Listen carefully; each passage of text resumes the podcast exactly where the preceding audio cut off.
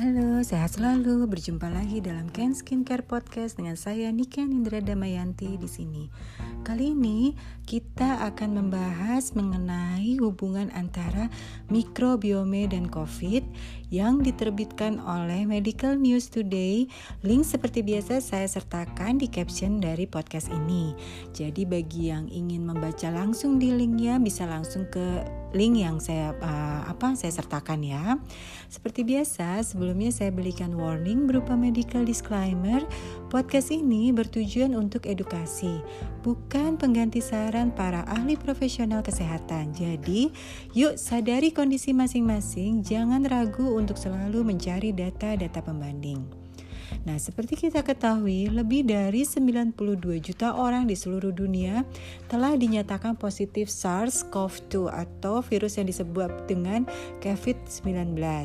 Dan sedikit lebih dari setengahnya orang-orang ini telah pulih ya. Jadi uh, sebetulnya jumlah presentasi antara sembuh dan sakitnya itu hampir 50%. Namun banyak orang yang tidak aware, dianggapnya begitu sudah pulih dari COVID-19, end of story yaitu ya sudah saya udah sehat nih, saya sudah sembuh nih, um, jadi uh, di stoplah seluruhnya pengobatan pengobatan. Jadi uh, ini sebetulnya ada hubungan dengan bab uh, dan tiga yang sebelumnya saya bahas di podcast sebelumnya. Link dari uh, podcast sebelumnya yang bab 2 dan 3 dari buku The Micro Microbiome Breakthrough di mana di buku itu sudah dijelaskan bahwa sakit itu bukan sesuatu yang bisa dianggap sesaat tapi uh, sehat itu adalah suatu proses. Jadi sakit itu adalah proses dari si sehat itu sendiri.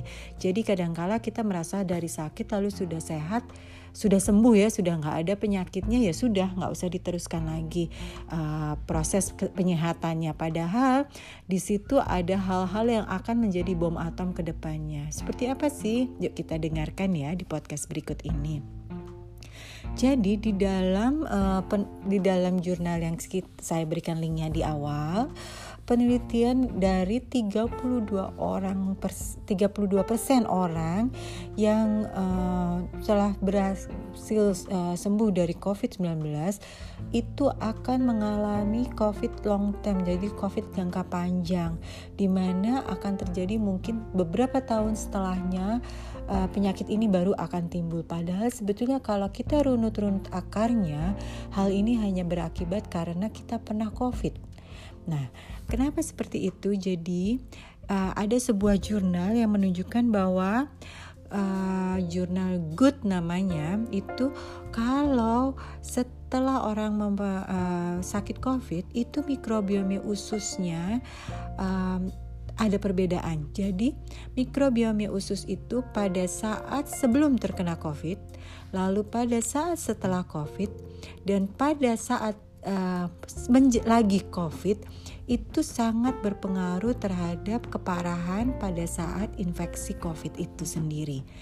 Jadi, pada jika kita memiliki mikrobiome perut yang uh, kerusakan yang sudah rusak sebelumnya atau yang sebelumnya sudah tidak uh, tidak apa ya tidak beragam uh, jadi hanya adanya adalah mikrobiome mikrobiome yang uh, kecil-kecil saja jumlahnya. Nah itu bisa mempengaruhi terhadap resistansi resistansi tubuh kita terhadap COVID ya. Jadi mempengaruhi parah enggaknya kita pada saat kita sedang terkena infeksi COVID.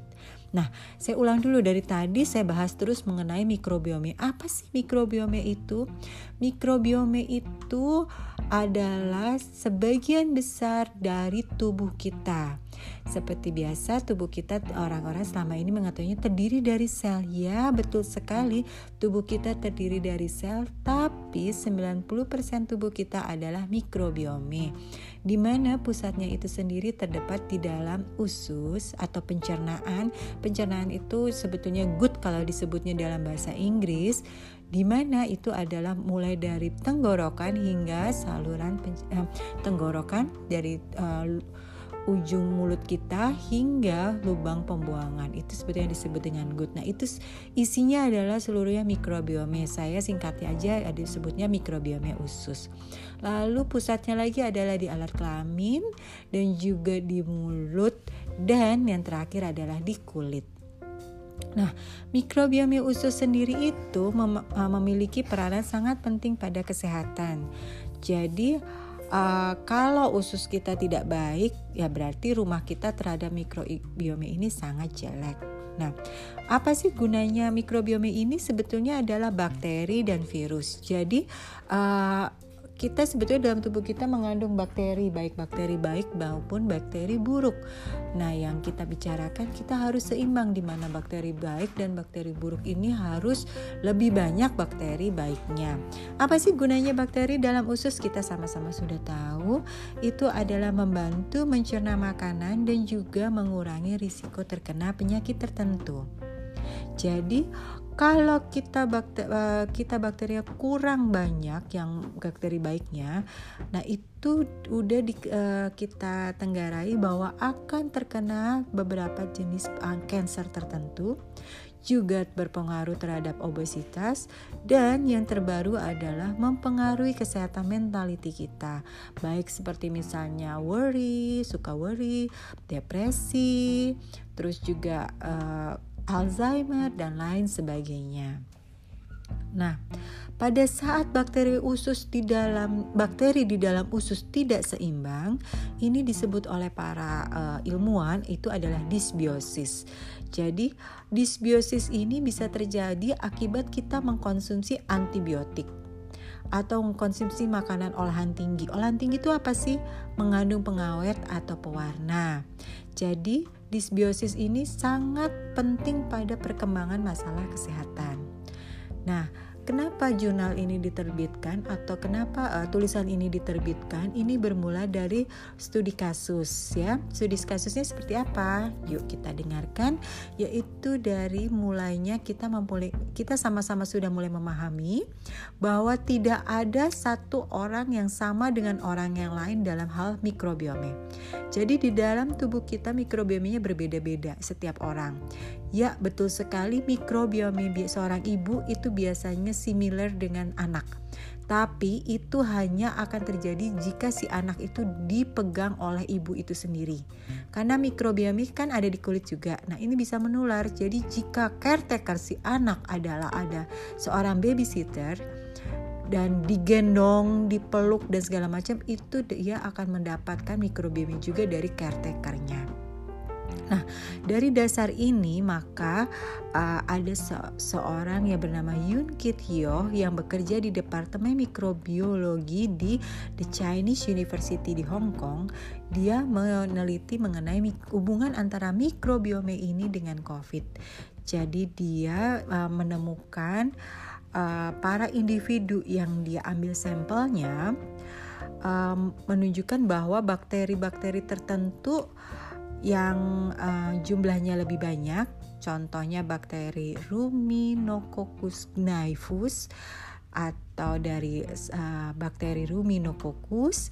Nah, ini adalah bakteri yang biasanya membuat kita sakit perut atau radang usus atau asam lambung naik dan sebagainya. Ini biasanya lebih banyak terdapat pada orang-orang yang mudah terkena COVID. Jadi, uh, ada juga di begitu lagi penelitian lainnya lagi ada bakteri yang dikenal dengan bakteri-bakteri bifido atau bakteri Faecalibacterium dan Eubacterium. Ini kalau jumlahnya terlalu rendah ini juga menyebabkan kita dapat dengan mudahnya terkena infeksi COVID. Karena bakteri-bakteri yang saya sebutkan tadi itulah bakteri yang memiliki potensi imunomodulator, yaitu uh, bakteri yang membantu menguatkan imunologi kita. Jadi, uh, para peneliti ini menemukan bahwa uh, kadar sitokinnya kita tuh menjadi uh, berantakan pada saat terkena virus. Apa sih sitokin itu?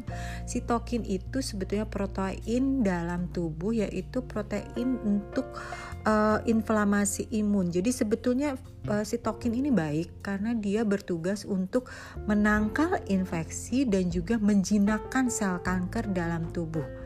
Nah, tapi jika kita tidak uh, memelihara sitokin ini akan menjadi sitokin out of control. Nah, ini yang disebut dengan badai sitokin atau sitokin storm.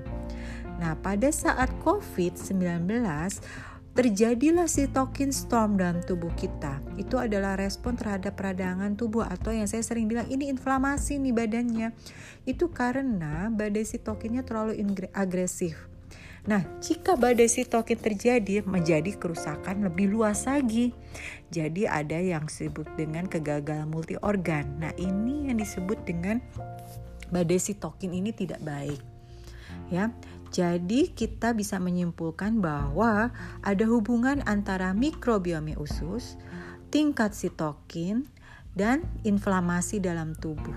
Nah, semua ini sebenarnya mengerucut kepada kondisi mikrobiome usus sendiri. Jadi, kondisi mikrobiome usus menentukan betapa um, besarnya parahan COVID-19. Nah, jadi kita sebaiknya untuk menjaga imunitas tubuh kita kita sebelum terkena COVID, kita sebaiknya mengkonsumsi probiotik dan prebiotik. Agar apa?